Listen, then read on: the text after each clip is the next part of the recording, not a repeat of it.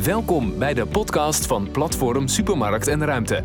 In deze podcast gaan supermarktgeograaf Jeroen van der Weert en retail-expert Daan Merks maandelijks in gesprek met professionals uit de supermarktbranche. Supermarkt en Ruimte.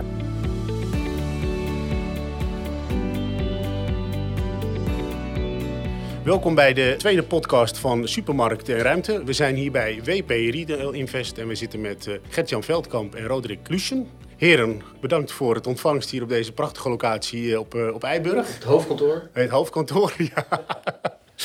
met een mooi uitzicht over het water. Um, Gert-Jan, kan je iets vertellen over de historie van, uh, van WP Retail Invest? Zeker, zeker. Uh, ja, inmiddels bestaan we alweer uh, zo'n acht jaar. Best een beetje trots zijn we erop. Uh, we zitten inmiddels in de tweede crisis. we zijn begonnen in de crisis en we zitten alweer in een soort van crisis. Um, de COVID-pandemie, vorige keer was het de bankencrisis en gevolgd door een vastgoedcrisis en een uh, eigenlijk ook wel een financieringscrisis, een crunch. Hè? De banken die gingen op hun handen zitten enzovoort. Maar goed, desondanks zijn wij lekker bezig. We zijn dus begonnen in uh, 2012, nadat ja, ik eigenlijk ook bij Fortis Real Estate vastgoed wegging. Eerder al ging Roderick mij voor in 2009 of zo, of 2008. Ja. Uh, wij zijn toen samen eigenlijk uh, in 2006, 2007 meegekomen naar, naar um, het Fortis uh, toen zij WP kochten. Eigenlijk Win Properties, maar wij, wij heten toen altijd in de markt de jongens van WP. We hadden toch wel een soort van naam of zo. En de meiden. Van, en de meiden trouwens ook wel, maar dat was al op zich wel grappig dat de, de mannen van WP maar goed, dat stond dus voor Win Properties en was toen de tijd uh, toch wel een van de topspelers in het commercieel vastgoed. Ja, want Liebe was toen ook daar een van de. Liebe was natuurlijk onze, onze acquisiteur, conceptman. Uh, ja, we wonnen veel competities, uh, et cetera. Deden zoiets van 70% binnenstedelijk in het, in het winkelsegment en, en het overige in het kantoorsegment. Uh, dus ja, daar, daar ligt onze voorgeschiedenis. En daar zijn ook onze mede-investeerders vandaan gekomen. Want toen ik wegging bij ASR na een jaar of drie, vier, zeiden de mannen van WP van nou, als jij een leuk idee hebt van wat we nog kunnen doen in de markt, dan zijn wij wel in om mee te doen. En toen hadden Roderick en ik al een jaartje met elkaar zo'n beetje overleg gehad dat we um, ja, in een niche van de markt uh, wilden opereren. Namelijk de ontwikkeling van buurt- en wijkwinkelcentra. Het was een segment wat uh, natuurlijk uh, decennia lang is uitgemolken door de grote beleggers.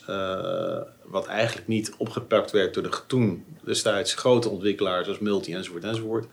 Want de plannen die je daar kon maken waren gewoon niet groot genoeg om bij spreken je AK op kwijt te kunnen. Um, dus wij zagen daar een segment liggen, een niche liggen, wat een beetje zeg maar, verwaarloosd was. En um, waar wij toch vanuit de, de Win Properties tijd ervaring hadden dat we daar juist de rendabele projecten maakten. Dus dat trok, uh, dat trok onze aandacht. Zo zijn we eigenlijk uh, begonnen. Dat vonden ook uh, toen de tijd Jan Klinkenberg en Wil Persie als oud-eigenaar van WP een mooie niche. En ze zeiden, nou wij doen mee. ga, maar, ga maar beginnen. En zo, zo gezegd, zo gedaan. Dus in uh, 2011 hebben wij samen al wat de markt verkend, contacten gelegd met, met diverse beleggers om te kijken of wat, wat te koop was. En eind 2011 deden we een aanloop van onze eerste aankoop. 2012 de vlag geplant en hadden wij van Seabury Global Investors, uh, of ING Rijn was het toen nog geloof ik. Ja, de, ja vroeger. De voorganger. ING. Kochten wij uh, ja. Tolberg in Roosendaal. Zo begon het. Oké. Okay. Dus winkelcentrum Tolberg was jullie eerste ontwikkeling als WP ja. in ja. Invest. Ja, klopt. Kun je daar wat meer over vertellen? Wat, wat was daar de ontwikkelopgave? nou, de ontwikkelopgave was eigenlijk um, zoals wij die wel uh, in zijn algemeenheid voor, voor dit type winkelcentra zagen. Ze zijn allemaal gebouwd in een tijdgewricht van, laten we zeggen, de jaren 70, 80, 90. Maar een beetje van uh, 13 uit een dozijn. Uh, niet onderscheidend, uh, vaak met een passage, vaak naar binnen gekeerd, met de achterkanten naar de wijk. Herkenbaar, ja. Uh, monofunctioneel, dus met een behoorlijke mate van saaiheid. weinig geïnvesteerd in, in vernieuwing. dus ook met een duidelijke ja, verschijningsvorm die de tand destijds toch echt niet meer doorstaan heeft, zou je kunnen zeggen. Daar moet wat gebeuren.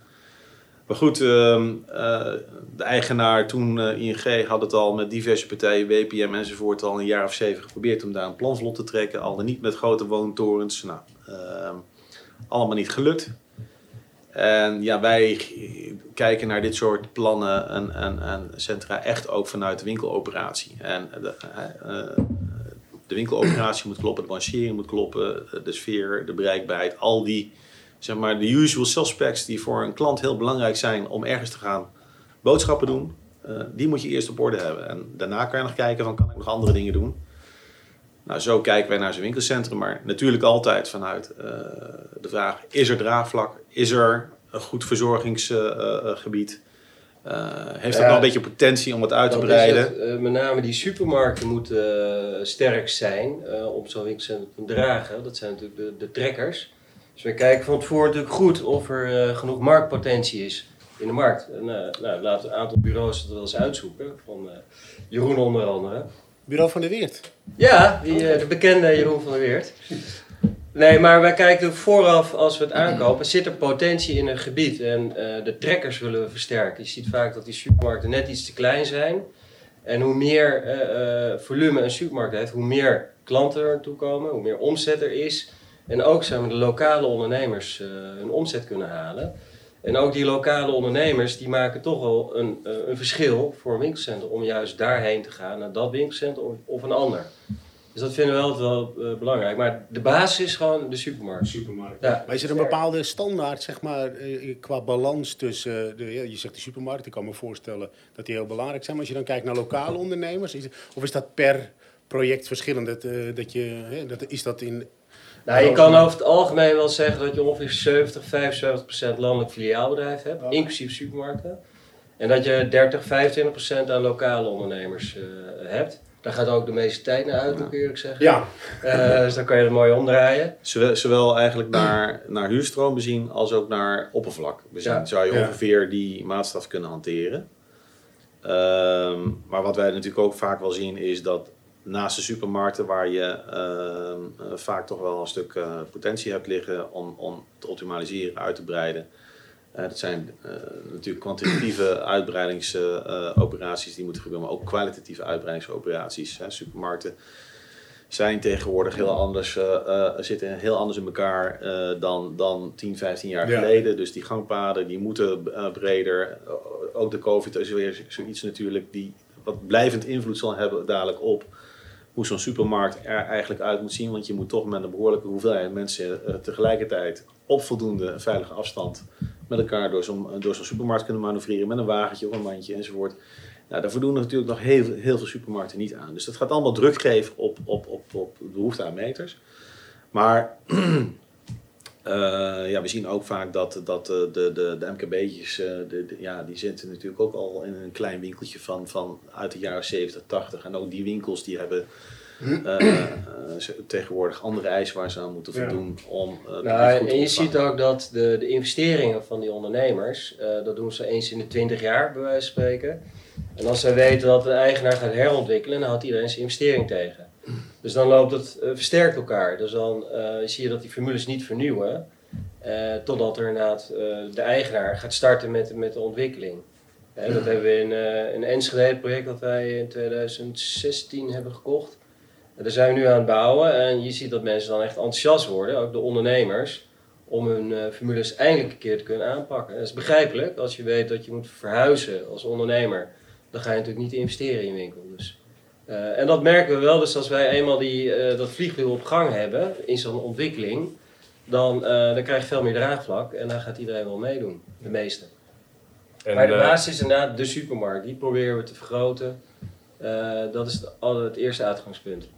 Maar net werd, je noemde net al COVID. Is, het- het is denk ik wel zo dat eh, jullie misschien de wind een beetje mee hebben... omdat eh, er heel veel eh, mensen nu juist naar wijkwinkelcentra gaan... eh, in plaats van de grote... Of Nou is dat niet van jullie, nou ja, jullie we- van toepassing? Of is We dat? kunnen wel huurverlagingen natuurlijk eh, aan de horeca eh, bieden. Dat is helaas eh, wel het geval Ja. geweest.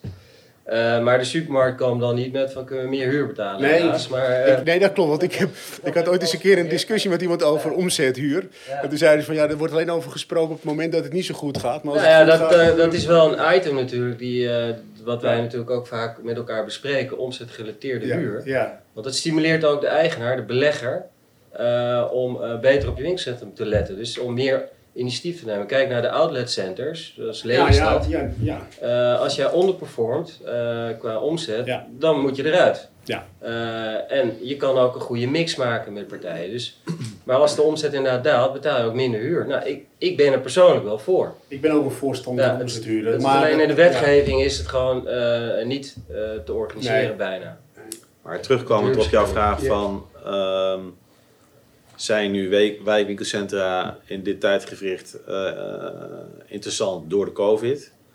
Eh, of waren ze al interessant? Nee, ze waren, Ze al waren al interessant in onze optiek. Omdat, kijk, en dat is ook een van de redenen geweest waarom wij in, in 2011, 12 hebben gezegd van nou, we gaan ons puur toeleggen op dat type centra. Dus van buurt een wijkwinkelcentrum maken en een klein wijkwinkelcentrum, wat groter wijkwinkelcentrum, moet lokaal dominant worden in het verzorgingsgebied. Wij geloofden niet zozeer in allerlei binnenstedelijke ontwikkelingen meer. Eh, daar hadden we natuurlijk de afgelopen twee decennia al veel van gehad. Al dan niet succesvol. Veel te vaak allerlei gemeentes die elkaar beconcurreren in wat groter worden en mikken op dat regionale verzorgingsgebied, waar iedereen dan een veel te grote, Ja. grote hap uitneemt en elkaar beconcurreert. En vervolgens komt dat internet, hè, wat we natuurlijk gezien hebben, wat juist in, in heel veel non-foodbranches eh, eh, invloed heeft op, op een stuk van de omzet. Nou, ehm, dus dat betekent gewoon dat, dat je heel duidelijk ziet dat er een, een, een, een- eigenlijk een scheiding is van heel doelgericht winkelen. Ofwel je gaat naar een outlet, ofwel je gaat naar eh, eh, meer PDV-achtige eh, locaties om daar wat dingen te doen. Of je gaat recreatief winkelen en dan wil je naar een echte stad. Waar een fantastisch breed aanbod is, een diep aanbod. in een leuke setting met veel horeca. Het liefst ook in een, ehm, eh, hoe heet het? Ehm, wat meer monumentale setting. Hè? Dus dat, zijn dan toch de, de die grote steden waar, waar de consument eh, dan voor kiest. Waar de winkels ook trouwens volledig mee moeten gaan in het multichannel. hè. Dus de klant pleasen in, in, in zeg maar, eh, eh, die digitale aankoop achter het scherm met de klik.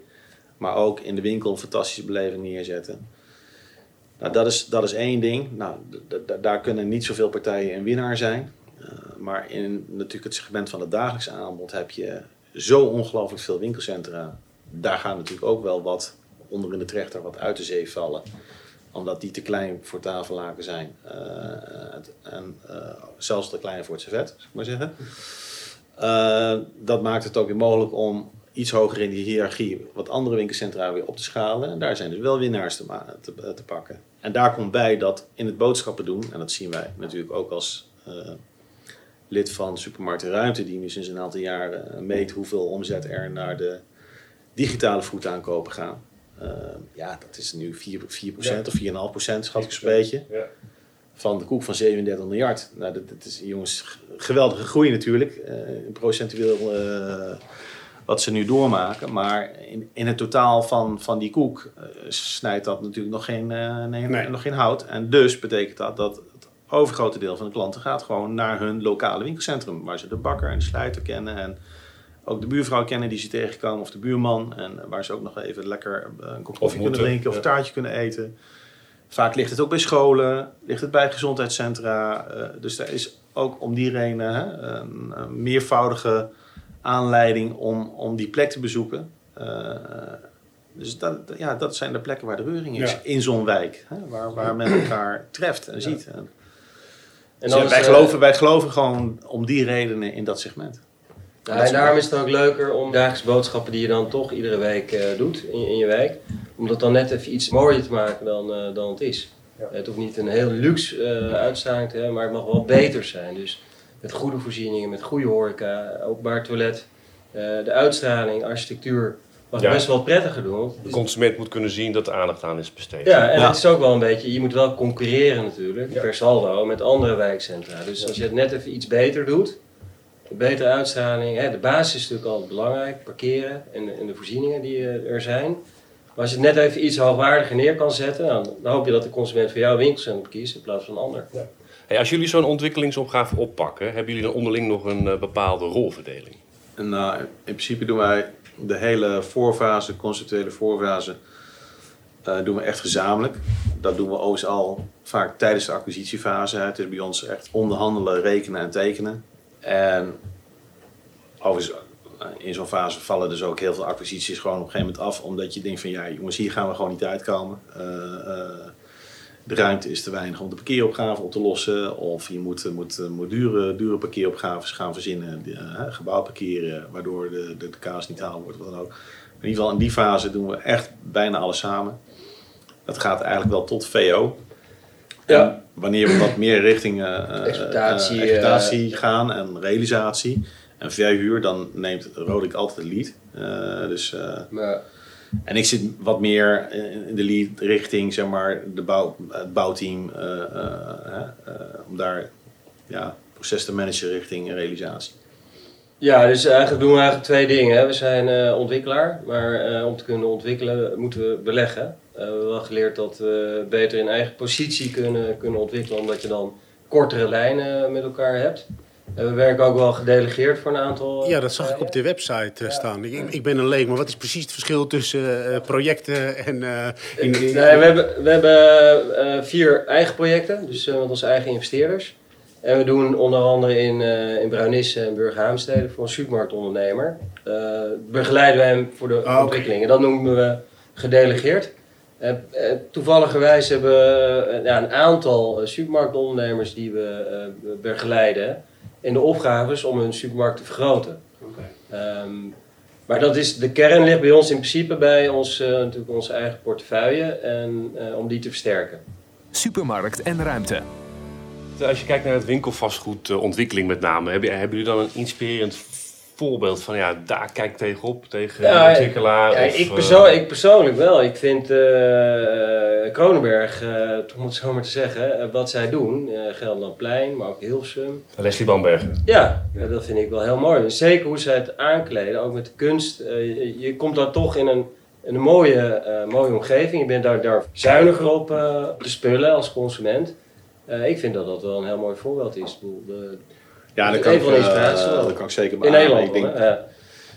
Hij staat trouwens ook in het eh, lijstje van private beleggers nu en de Property NL eh, eh, in de top 10 eh, geloof ik. Met eh, Van de Vorm en nog een paar.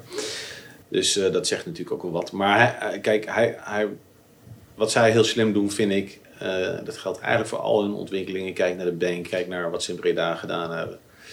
Ehm Hilversum noemde jij al, Ja, eh, met de Hilversum. Hilvershof, ja. Ja. Gewoon compromisloos vanuit je concept wat je neer wil zetten, gaan voor kwaliteit. Ja. En ja, hij doet dat van spreken tot, tot de max. Ehm, en dat, hè, dat zie je natuurlijk ook terug in, in, in de investering die hij dan doet. Maar ik denk ook dat het zich vertaalt in, eh, in uiteindelijke waarde, omdat het, ja, als het consumentenbeleving een aantrekkingskracht creëert, daarmee, en dus fruitvol, creëert het omzet. En als het omzet creëert, creëert het hogere huren. En als het hogere huren creëert, komt het dus terug in investeringswaarde. Ja. En dat is een manier van denken, ja, die, die laten we zeggen, heel veel natuurlijk ontwikkelaars, en dan heb je nog de, de, de meer aannemergebonden ontwikkelaars, die durven dat allemaal niet, die kunnen dat allemaal niet. Maar die Die denken meer op de eh, kosten. iets, meer, ja. iets meer pennywise, pound Ja. foolish. Ja. En wij zeggen altijd, ja, kijk, de kosten die heb je één keer. Hè, maar de huur, die komt 16 keer of 15 keer of 17 keer. Hè, door de multiplier. En eh, natuurlijk moet je op de centjes passen in wat je, wat je uitgeeft en daar goede keuzes maken. Maar eh, het is veel slimmer om na te denken hoe je tot, die, tot dat vliegwiel komt door, door eh, je investeringswaarde te verhogen. En ik denk dat hij dat doet door heel veel Ja. durf, durf en visie aan, de- Ja. aan, aan En je ziet ook, is wat ook wel, als ik daar even op in mag haken, ook een aantal eh, supermarktondernemers, de franchisers, die gaan ook even een stapje verder dan eh, een normale belegger zou doen. Die, die, die zien echt vanuit een marktgebied wat de consument eh, wil en wat er kan en hoeveel ruimte er is. En die doen eigenlijk ook geen compromis. Nou, Van kijk naar Bun. Het gaat, draait om die consument, om daar naartoe te, krijgen- eh, te krijgen. Ja. En dat kunnen die franchisers met name supergoed. Ja, zo hebben wij natuurlijk ook eigenlijk succesvol ehm, de strijp gedaan. Ja, met John van Doormalen, Ja. voor Van Doormalen vastgoed. Ook een Albert Heijn franchise nemer die er geloof ik inmiddels zeven of acht of misschien wel tien heeft. Dus dat is een grote jongen. Eh, maar je ziet gewoon dat zij veel meer gevoel hebben bij het marktgebied. van wat ze, welke stretch ze kunnen maken als ze maar de goede winkel hebben. Ja. En durven daardoor ook gewoon veel makkelijker de beslissingen te nemen van... hé, hey, moet, blokker, moet blokker dus verplaatst worden? Nou, dan gaan we dat doen. Ja, kost het geld? Nou, dan kost het geld. Ja, Ja, eh zo wat. Maar, eh, weet je, en niet, niet gaan schipperen van... oh, ja, maar dat wordt moeilijk en procedures. Nee, jongens, regelen. gewoon doen. doen. Ja, En je, omzet, komt er, en je komt er altijd uit. Want zo'n blokker snapt ook van... hé, hey, als die Albert Heijn helemaal tip-top wordt... en die gaat draaien als een tierenlier... en er komen 30.000 klanten per week... ja. dan kom ik als blokker ook Ja. als winnaar uit de bus. Ja. Joepie.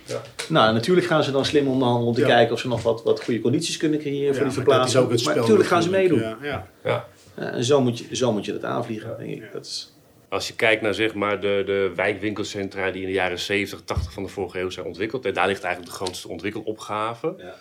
Zou je dan eigenlijk zeggen van ja, eigenlijk maak je de grote kans van slagen op een mooie herontwikkeling als je dat eh, in samenwerking doet met een, eh, f- met een uh, franchise of een eh, supermarkt. Of maakt het niet uit of het een Niet- formule Niet of een- altijd. Niet Nee? altijd, nee. Ja, goed, je ziet wel dat, dat, dat inderdaad, wat we net zeiden, een supermarktondernemer kan wel even iets meer doen dan, eh, dan het, het hoofdkantoor, om het zo te zeggen. Eh, maar het is per geval. Het is, Ja. eh, ieder, ieder, project, ieder project heeft zijn eigen merites, uitdagingen. En je kan het bijna niet generaliseren daarin. Dus, nee. Dat maakt het ook leuk natuurlijk. maar met een franchise-nemer is het wel fantastisch werk. Ja, het is Hè, dus omdat ze gewoon Ja. eh, lef hebben, visie hebben, ehm, eh, door durven pakken, eh, niet op hun handen gaan zitten. eh, weet je, dus daar heb je gewoon echt een partner aan. Die, ja, die mee het vliegwiel op gang brengt. En dat heb je ja. toch wel nodig Ja. in zo'n ontwikkeling. Want Ja. die ontwikkelingen die we doen, kijk, al zijn ze relatief kleinschalig, hè, eh, nadruk op relatief, want als zo'n winkelcentrum 5000 meter is en je, je breidt 1000 meter uit, ja, dan is die 1000 meter niet, zo, niet zoveel, maar procentueel is het wel, is het wel een vijfde ja. deel, is tot Ja. 20 procent. Maar de impact die het heeft Ja. op het hele schuifplaatje, met ondernemers, met parkeren veranderen, met, met, met, met volumes slopen, volumes nieuw bouwen, is, het is gigantisch. Ja. Eh, dat, dat zie je ook in Enschede, wat we doen in de winkelcentrum met Stroink. Eh, eh, ja, per saldo eh, vernieuwen we ongeveer eh 60%. Dat wil nee, laat ik zeggen eh 55% wat blijft staan, 45% wat echt, echt een nieuwbouw is. Sloop. En Maar je ziet het niet terug. Nee. Dadelijk als het winkelcentrum Ja. klaar is, ziet het er gewoon uit als een volledig nieuw winkelcentrum. Ik heb een aantal foto's eh, gezien. Ja, Het ziet er echt fantastisch uit hoor. Het is echt hartstikke mooi. Ja. Dus die impact, die, die ondanks de, de, de schaal van, van echt de hoeveelheid nieuwbouw wat je toevoegt of uitbreidt, is, is veel immenser dan je, dan je kan voorstellen. Dus, eh, Het zijn eh, super intensieve trajecten natuurlijk, hè, Ja. waar heel veel dingen eh, door elkaar heen lopen, procedures. En daarom is het ook vrij lastig, denk ik, voor een, eh, voor een belegger om dat eh, in een organisatie te regelen. Wij zijn met z'n tweeën, we hebben natuurlijk wel eh, backup van onze investeerders. En daarmee, omdat we die lijnen heel kort hebben en niet alles in een spreadsheet hoeft te verantwoorden, Nee. kunnen we snelle stappen Ja, maken. dan ben je gewoon echt een stuk slagvaardiger ben je dan. Ja, Toch? Dat, ja, ja. En, dat, en dat proberen we dus, ja, nogmaals, eh Enschede is het eh, ene laatste project wat we hebben aangekocht. ja. Maar die is wel als eerste in, eh, in bouw gekomen. Want die, die, die trajecten, dat duurt wel heel erg lang natuurlijk bij, in Nederland. De procedures, we hebben gisteren alweer een leuke proceduredag, hè Gert-Jan? Gert-Jan met de bibop, eh, ik met, de met de bank, de, de wet toezicht, fraude, witwassen. Hele dag zijn we ermee bezig, maar dat is even dat deel. Maar ook de hele vergunningtraject, die hele bestemmingsplan traject, dat duurt ontzettend lang. We zijn in Enschede zijn we zeven jaar bezig geweest om bestemmingsplan. hè? je bedoelt eh Roosendaal. Sorry, sorry, Roosendaal, Roosendaal, excuus. Eh Roosendaal, zeven jaar bezig geweest, bestemmingsplanwijziging. Zeven jaar. En dan eh, moeten we daarna nog, hè, we zijn nu de omgevingsvergunning aan het indienen. We hopen dan volgend jaar te kunnen starten. En dan eh, zijn we ruim een jaar aan het bouwen. Zijn we tien jaar bezig. Ja. En dan denk ik, ja, eh Voor ja, 1200 meter. wat de gemiddelde eh, zeg maar, consument inwoner van Nederland ziet als een relatief simpel project. Want zo kijken ze Ja. naar. Voor hun is het inderdaad een eh, flinke opknapbeurt en eh, wat uit, uitbreiding. En dan denken ze, ja, maar waarom moet dat zo lang duren? En dan krijg je ook heel regelmatig krijgen wij van de mailtjes eh, via onze Q&A eh, eh, van, van, van de websites. We maken altijd een keurige website voor elke ontwikkeling. Waar we eh, heel actueel houden wat we doen, hoe we het doen, eh, wat de planningen zijn. eh, nou ja, wat de mijlpaaltjes zijn enzovoort. Maar ja, dikwijls komen we dan vragen van ja, maar wanneer ga je nou eens beginnen, weet je wel? Mensen snappen het ook niet, hè, waarom dat allemaal zo lang moet duren. Nou, dus eh, Wij ja, af en toe ook niet, hoor. wij, wij, snap- wij snappen het af en toe al Nee. niet. En dan moet je het die mensen uitleggen waarom het allemaal zo lang duurt. Maar eh, ja, dat is... Het zijn Bijna belangen niet te doen. Gemeentes, eh, gemeenteraden. Ja, dat wist natuurlijk iedere vier jaar. En dan ben je net ergens en dan hup, is er weer een nieuwe Nieuwe wethouder, eh, ja. dan- Maar je biedt ook geen perspectief dan ook voor ondernemers die dan op zo'n huidig eh, centrum dan Nee, zitten, hè, toch? Dat is dan... Dat is voor die ondernemers echt een eh echt heel zo veel. wezenlijk. Dat ze een Ja. stipje Ja. op de horizon hebben Ja. van... hé, hey, eh, daar gaan we naartoe. Eh, dat is de koers. En dan, nou ja, wat, wat Rodek al straks ook al zei van... eh, in zo'n verouderd winkelcentrum houden zij zelf ook hun investeringen op totdat, er schop, Ja. totdat de schop in de grond gaat. En dan willen zij ook hè, die slag maken. Nou, en eh, ja, vaak wordt hun geduld eh, danig op de proef gesteld. Ja, en als er dan weer een crisis overheen gaat en ze moeten interen, Ja, dan- moeten weer ja. interen op hun eigen vermogen. Ja. Dan kan het ook maar zo zijn dat ze, dat ze het eind van de wedstrijd eh, niet redden. Hè? Dus, Ja, eh, maar, dan ook helemaal in de huidige retail natuurlijk. Hè, moet je heel erg meebewegen. En als je dan geen perspectief eh, hebt, ja, weet je, dan blijf je natuurlijk in het oude hangen. Nou, en, Ja. als, eh, als iets zeg maar niet, niet goed is, is het wel als je, als je stil blijft staan, helemaal in de retail. Ja, het is een visuele cirkel waar je in, eh, in komt. De consument blijft weg. Dus, Ja. ja. eh, eh, maar met name geldt het eigenlijk nu, eh, de, de corona, zeker voor de horeca. Hè. De horeca is toch een belangrijk onderdeel in een wijkcentrum. Ja. Je wil toch de ver- verblijfsduur eh, verlengen voor de consument. En daar heb je gewoon toch goede horeca voor nodig. Waar je een taartje, het is geen restaurant of zo, maar waar je gewoon simpel even kan zitten, kan bijkletsen en dergelijke. Nou, die geven gewoon extra kleur aan, eh, aan de winkelcentrum, de horeca. Ja, en die hebben het nu echt mega zwaar. Dus ja, het is een feit. We kunnen er weinig aan doen. Eh, eh, maar we kunnen- het enige wat wij kunnen doen is toch, toch te helpen om, eh, om die ondernemers zeg maar, overeind te houden. Eh, maar ja, ik vrees wel dat volgend jaar echt een aantal ondernemers er niet meer zijn. Ja. Met name in de horeca. Maar de vers, eh, de food, dat, eh, dat, eh, dat gaat eh, heel erg goed. des te Zeker, meer. ja. Ja. Als je nou kijkt naar de komende tien jaar, welke, welke uitdagingen zi- zien jullie dan als je het hebt over herontwikkeling van winkelvastgoed? Ehm, ja, uitdaging. Ik denk. ehm Ik denk dat er een paar uitdagingen zijn. Ehm, procedures. Kijk, de RO-procedure, dat was altijd al en dat blijft zonder meer. Ik geloof niet dat de omgevingsvisie en het omgevingsplan ons leven makkelijker gaat maken.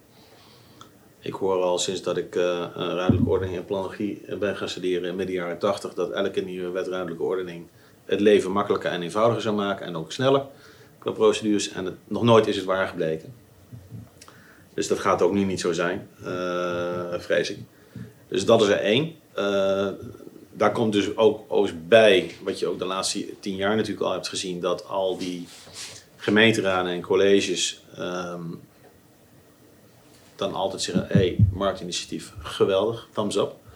Maar regel ook even de participatie. Hè? Dus zorg dat iedereen zijn plasje heeft kunnen doen. in de buurt. Nou, op het moment Ja, dat jij eh, dat als marktpartij moet gaan antameren, dan zit je eigenlijk altijd al aan de verkeerde kant natuurlijk van het lijntje. Want al die mensen zeggen, ja maar jij praat voor eigen parochie, jij komt je zakken vullen en je bent straks weer weg. En want zo kijkt de gemiddelde consument naar een stenenboer, naar een vastgoedboer. En of je nou een serieuze belegger bent met de beste intenties, ja, dat, zal ze echt, eh, dat zien ze helemaal niet. Dat zal ze worst wezen. Dus dan zit je aan de verkeerde kant van het lijntje, maar word je toch geacht zeg maar, die participatie op gang te brengen. Nou, dat is buitengewoon lastig. En als je dan niet gemeentes hebt die vanuit een eigen visie op het winkelvastgoed, hè, vanuit een detailhandelsnota Ja. of, of anderszins gewoon meepraten en zeggen: hé, hey, maar wij hebben ook een belang, want dit is ons beleid en wij geloven daarin. En beste inwoners, eh, deze partij die wil dingen doen, die passen in ons beleid en eh, wij hebben ook vertrouwen in die partij en hun kunnen. En goh, denk even mee en laten we eens even kijken hoe we de neus in één lijn krijgen. Dan krijg je een ander soort wedstrijd dan zeg maar, dat alleen maar van ons moet komen. Dus dat is een ingewikkelde. Maar dat klinkt helemaal niet moeilijk wat je nu zegt, toch? Denk ik dan. Om, om je steun zijn- te voelen door een gemeente, denk ik maar dat Ja, maar ze, ze ja. gaan eerst achterover liggen. Ja. Ze gaan eerst Ah, achterover liggen. En pas pas ver in de wedstrijd, bij wijze van spreken, Ja. als, als, als je al jaren worstelen bent. En je, Nou, ja, ja, eigenlijk- nou ja. Maar ja, goed, Nou, inderdaad, dan, als je eh, dan, Dan hebben we het bijna toch mooi gefixt. Ja. toe bent aan de start Ja. bouwen, dan wil Ja. wethouder natuurlijk Ja. altijd Ja. graag... eh, de taal uitzondering afslaan. weer daar gelaten. We, we, we werken in diverse gemeentes eh, in het land. En het is per gemeente weer anders, eh, beleid. Maar wat je eigenlijk wel, denk ik, meer zou willen, is dat het initiatief ook vanuit eh, de gemeente komt. Hè. Dat ligt ook weer aan wat de gemeente er, er, ermee wil. Ja. En we hebben het voorbeeld, denk ik, Klopt. als ik het mag noemen, Gert-Jan, in, Ja. eh, in Bruinisse. Eh, daar, daar, is een, eh, daar is de gemeente echt wel eh, zeer uiteindelijk proactief. Ja. proactief gaan Ja. werken in plaats van eh, nou, ja, hakken in het zand te zetten. Dus de rol van de gemeente eh, en de overheid mag wel veel proactiever zijn, omdat de regelgeving dan zo lastig is. En je kan het aan alle kanten natuurlijk interpreteren, maar als het, als het beleid en de visie van de gemeente zo is, zorg er dan ook voor dat het voor elkaar komt. Ja. En laat het niet aan de markt eh, bengelen. Eh, en ja, maar goed, wij, wij zeggen, joh, eh, we willen het zo snel mogelijk natuurlijk realiseren. Maar als je, meer, als je zeg maar, echt druk zet op een gemeenteapparaat, ja, dan, eh, dan, dan gaan ze achterover hangen. Dan komt het niet tot stand. Als je niks doet, doen zij ook niks. Dus het is altijd wel een beetje... ehm, Overigens ook wel ingegeven door gewoon eh, de vraag van heeft de gemeente een belang bij, bij grondverkoop of niet. Hè? Als zij in belangrijke mate grond moeten verkopen voor een ontwikkeling en daar centen kunnen verdienen, Ja, dan zitten ze vaak wel wat anders in de wedstrijd. Ja. Ja, want zo, zo ligt het wel in Nederland. Hè? Dus eh, op het moment dat, je, dat jij eigenlijk al eh, zeg maar, de grond zelf in handen hebt of, of overwegend in handen hebt en dan alleen maar misschien een snippertje. Ja, ja, wat is dan, weet je, dan moeten ze een heleboel doen. Eh, allemaal lastig en ingewikkeld. Terwijl ja, een grote woningbouwontwikkeling waarbij ze gewoon even een paar hectare zo kunnen sluiten. Daar, daar ligt Ja. veel meer belang natuurlijk voor de gemeentepolitiek om dat voor Op elkaar te krijgen. wel, ja. En eh, ook op korte termijn. Terwijl op lange termijn natuurlijk inderdaad dit soort centra, vergis je niet. En wat ik al zei, het is het hart vaak van de wijk. Het bepaalt heel erg het woon- en leefklimaat van, van een wijk en de aantrekkelijkheid. En uiteindelijk, al die winkelcentra samen. En natuurlijk moet de rest ook allemaal goed zijn. En de wegen en de parken. En, natuurlijk, allemaal tot je dienst. Maar iets wat zo dicht zeg maar, bij, bij, eh, eh, bij, de, bij, de, bij de inwoner ligt in het dagelijks hè, gebruik, dagelijkse bewegingen. eh, ja, dat moet ja, dat moet, gewoon, dat moet Ja. gewoon echt in orde zijn. Dat Ja. moet gewoon, en niet, niet een beetje, nee, dat moet gewoon dik in orde zijn. Het straalt ook af naar, naar de omgeving. Hè. Als wij investeren in zo'n winkel en het is weer nieuw, is het ook prettiger wonen. Laten we Ja. wel wezen, mensen zijn dan enthousiaster om in die wijk te gaan wonen. En dat is wel een wat langere termijn, en dat Ja. kan de gemeente natuurlijk niet cashen. Eh, maar het is wel een, een belangrijk punt. Hè. Er zijn talloze winkelcentra in Nederland die toch wel ja, uitgemolken zijn door, door de belegger. eh, of die ontwikkelingen niet voor elkaar kunnen krijgen. Ja, ook daarvoor geldt denk ik dat de gemeente daar een rol in moet nemen. Ja. Om, om ze zeg maar te upgraden, zodat het voor de, voor de omgeving beter is om, eh, om te kunnen winkelen, maar de voorzieningen ook beter zijn. Ja, een andere uitdaging is, als ik even Ja. eh, dat kan zeggen, is gewoon een hele retailmarkt aan zich. Hè. Wij merken heel erg dat eh, de retail over één kam wordt eh, geschoren, binnenstedelijk. eh, hè, food en, non-food, eh, ofwel winkelen en boodschappen doen.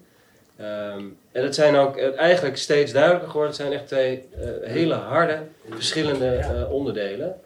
Eh, waar ik me wel meer zorgen over maak, is zeg maar de, het boodschappen, de binnenstedelijke winkelcentra. Er zijn gewoon heel veel eh, winkelmeters gewoon in de markt. En die moeten eigenlijk gesaneerd worden. Eh, en, maar dat is wel een ongelooflijke lastige opgave.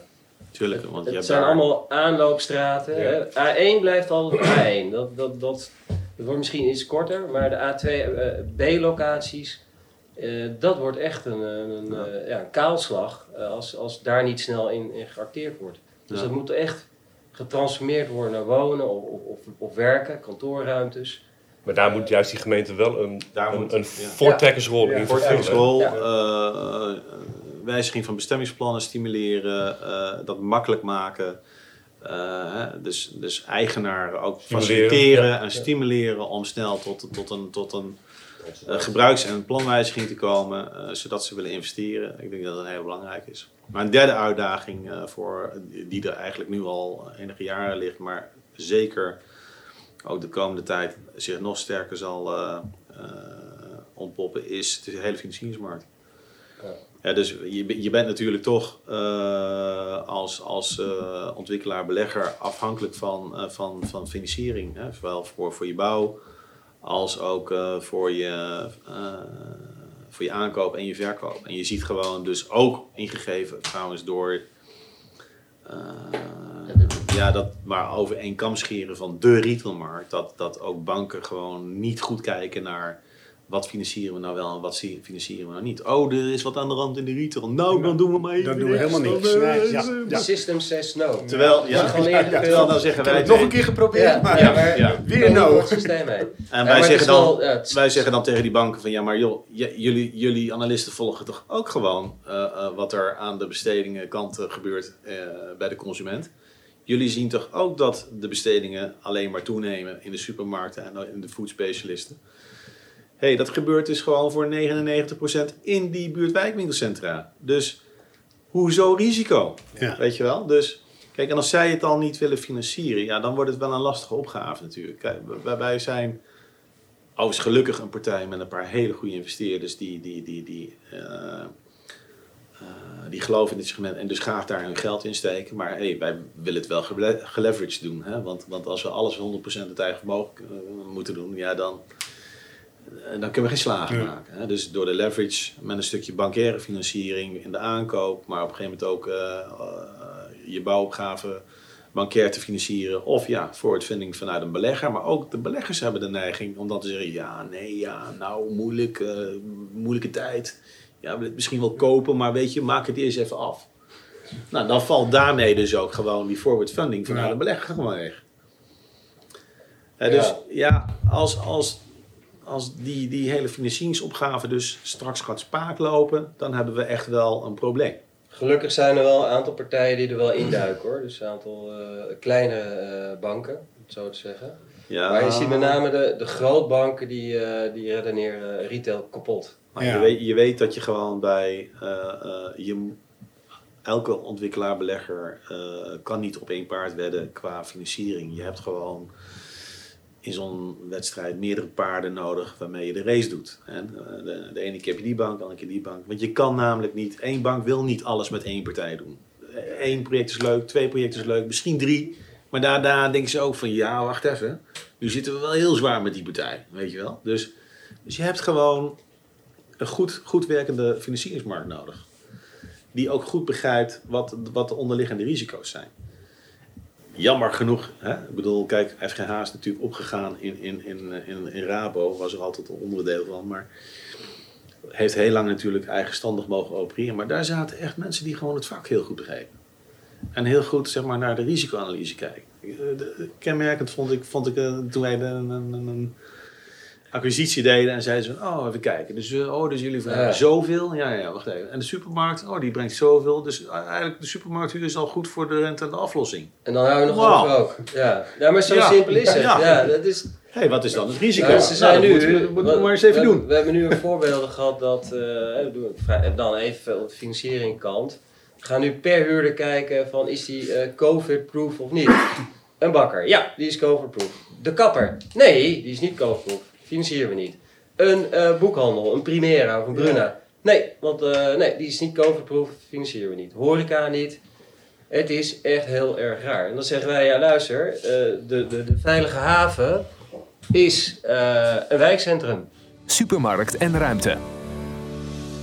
Roderick, wat is jullie uh, belangrijkste leermoment tot nu toe? Ja, wat wij uh, sinds uh, 2012, toen we zeg maar, gestart zijn, acht jaar geleden, ik denk dat wij uh, aan het begin uh, te graag wilden uh, om ontwikkelingen vlot te trekken, met name in Roosendaal. We zijn vrij eager om, om het snel voor elkaar te krijgen. Als we iets hebben geleerd, wat we ook eerder zagen, is dat je, als je meer druk zet op, op belanghebbenden, dus gemeentes en dergelijke, dat je eigenlijk het averechtse bewerkstelligt. Want wat Gip-Jan ook zei al, je wordt toch al snel als een uh, geldwolf gezien. Uh, zeker als je uit de Randstad komt je, je zit in de periferie te werken. Um, en als jij iets heel graag wil, dan vinden ze dat verdacht. Dus we hebben nu geleerd om toch beter te balanceren, um, om met de belanghebbenden om te gaan. Dus je moet geen haast hebben. De ontwikkelingen, de, de exploitatie draait gewoon van zijn winkelcentrum. We hebben ook geen, in die zin ook geen haast. wil het wel snel voor elkaar krijgen. Maar dan is het leermoment. Gewoon rust bewaren. Precies. Vertrouwen hebben Ja. in je zaak.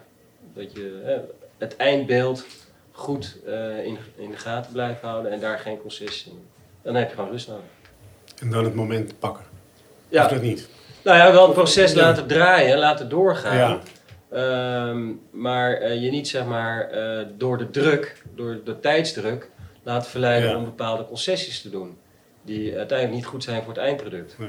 Dus we, we moeten gewoon altijd echt heel goed in de gaten houden wat we aan het begin hebben neergezet aan eh, concept. Eh, dat moeten we eh, vasthouden. We moeten een sterk winkelcentrum hebben. Hm. En niet te snel in de concessiestand eh, gaan. En wat ook nog wel helpt trouwens is als er dan weer gewoon lokale verkiezingen zijn. Ja. Uiteindelijk wil zo'n wethouder dan rond, rond die tijd toch ook wel even Scoringsdrift, scoren. Ja. Hè, dus het is dan altijd fijn als de, de bouw gestart kan worden of een overeenkomst eh, met een ontwikkelaar getekend kan worden. Hè, en er in ieder geval weer wat eh, mooie perspectieven geboden kunnen worden aan het volk. En ja, dus dat is wel, die aanloop daar naartoe is wel vaak een goed onderhandelmoment om dingen proberen voor elkaar te krijgen. Ja, eigenlijk werken ze maar twee jaar hè, in, eh, in, bij, bij de gemeente. En dan begint Dus het eerste jaar is zeg maar in, inwerken, hè, dus Ja, nu een ja. nieuw college. Dan hebben ze twee jaar Ja. de tijd en dan komt er weer verkiezingen aan, dan moet je geen fouten maken. Nee. Dus dan doe je een jaar niks. Dus je hebt eigenlijk maar twee jaar wat je bij een gemeente college kan werken. Heren, jullie hebben eh, eh, recentelijk ook een nieuwe aankoop eh, gedaan in, in, in Duiven. Kunnen Ja. jullie daar iets over, eh, Ja, over vertellen? is de, Elsof Passage in het, eh, in het hart van, eh, van Duiven bij Arnhem. Eh het winkelcentrum is ongeveer 9000 eh, vierkante meter. Er zit een, eh, supermarkt in, eh, Albert Heijn. Ehm, en eh, een aantal modepartijen die het op zich vrij goed doen. Zo'n echt Ja, lokale, lokaal-regionale partij. lokale ondernemers. Eh, eh, maar helaas eh, zit er ook leegstand in. Eh, we hebben het gekocht eh, van ehm, de vorige eigenaar uiteraard. Achmea. Sintrus, kunnen we wel zeggen, uiteraard. Eh, zij hadden het proces al aangelopen eh, om, te, eh, om te ontwikkelen. En daardoor is eigenlijk geleidelijk aan eh, leegstand eh, ontstaan.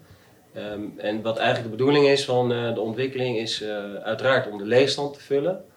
Ehm, maar de- dat wel te doen eh, in het hele centrum. Om het hele centrum van Duiven daarin mee te nemen. Dus we gaan, de bedoeling is om een supermarkt te verplaatsen. En de oude locatie van die supermarkt weg te bestemmen. Met andere woorden, er is sowieso in dit soort dorpen Te veel is er te veel. En die kunnen wij op deze manier eh, uit de markt halen. Dus dan saneer je eh, winkelmeters. Is En het daar echt een helpt het- wijkwinkelcentrum of wel? Of nee, het is eigenlijk niet echt een wijkwinkelcentrum. Hè? Want eh, laten we zeggen, dan zou het meer in de orde grootte van, van 4.500 tot, tot 5.000, 6.000 vierkante meter moeten zitten. Dit is dus veel groter. Het heeft dus ook inderdaad veel meer eh, niet-dagelijks aanbod. Hè? Wat ik al zei, een stuk eh, belangrijk modisch. Eh, Hema. Ook overigens de, de, de, de, de, de, de, de terstal en dat soort, eh, en de pist enzovoort.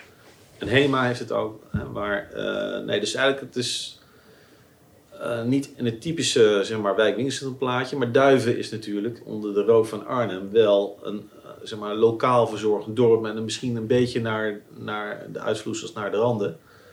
Eh, waar we bij de dagelijkse aankopen, en dat is meer dan alleen boodschappen doen natuurlijk, hè, ook het dagelijks non-food en enzovoort enzovoort, voor je, voor je persoonlijke verzorging en je dagelijkse ba- basisbehoeften aan kleding en textiel en noem maar op. Hier. Nou, dat moet er allemaal zijn. Ehm, eh, maar goed, dus in zoverre is dan wel weer hè, duiven.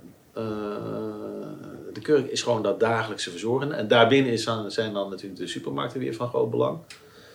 En in dit winkelcentrum is het dus zo dat we één grote supermarkt hebben, zijn de Albert Heijn. Maar we missen eigenlijk de tweede trekker. Waardoor zeg maar bekende zeg maar, haltemodel, wat Ja. iedereen in het winkelvastgoed wel kent, wat gewoon een zeer beproefd model is. eh, nou, dat, dat is hier aan één kant goed, maar aan de andere kant mist het dus nog een, een, een trekker. En dat moeten we hier gaan realiseren. En daarmee kunnen we ook die leefstand eh, voor een deel oplossen. Herverkavelen. Een supermarktlocatie eh, vrij maken eh, voor een herontwikkeling naar wonen. Hè, waardoor we het totale eh, winkelstructuurtje binnen het dorp compacter maken. En ja, ik denk dat we daarmee ook opereren binnen de visie van, van de gemeente. Vitaal Centrum Duiven. Ja. Hè, dat, is, dat is hun detailhandelsvisie. Dus die, die hebben er wel al heel goed over nagedacht. Dat, dat is Ehm, wel proactief, vind ja, ik. dat- dat- is ja. een, eh, Duif zeer proactief.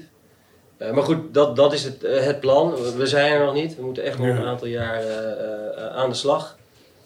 Toch? Ik bedoel, er zijn meerdere belanghebbenden die in dit spel spelen. Ehm, maar het- ons eindbeeld is wel duidelijk. Dus, en, en daar willen we naar, naar roeien. Dus ook het toevoegen van wat non-food, wat mode aan zo'n winkelcentrum, is niet erg, zolang je maar de goede trekkers hebt. Die supermarkten blijven iedere dag, dag in dag uit, bezoekers trekken. In de binnenstad eh, heb je alleen de pieken in de weekenden. Ehm, ja, met COVID is het nu sowieso wat anders.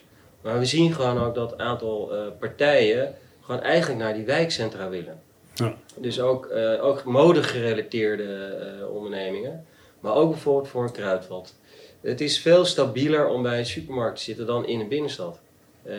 Zeker ook door als er crisis is.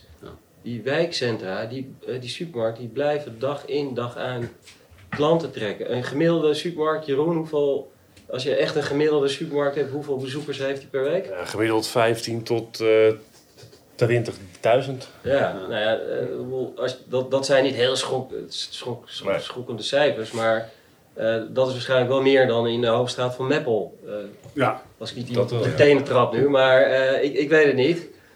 Maar eh, snap je, en, en dan heb je continu eh, je bezoekers, en dat zijn ook trouwe bezoekers, Ja. die wonen in de omgeving. Dus de klantenbinding is gewoon heel belangrijk. Ja, ze komen ook meerdere keren in één Ja, week weer ja. terug naar de supermarkt. Ja, ja. Jeroen, had jij nog... eh, Nee, ik vond het een eh, heel eh, inhoudelijk informatief eh, interview, zeg maar. Dus ik heb geen... eh, Nee. heren, bedankt eh, voor, jullie, eh, voor jullie visie en uiteraard voor jullie tijd. Graag gedaan. En eh, veel succes eh, met jullie projecten. Bedankt voor het luisteren naar de podcast van Platform Supermarkt en Ruimte. Tot de volgende keer.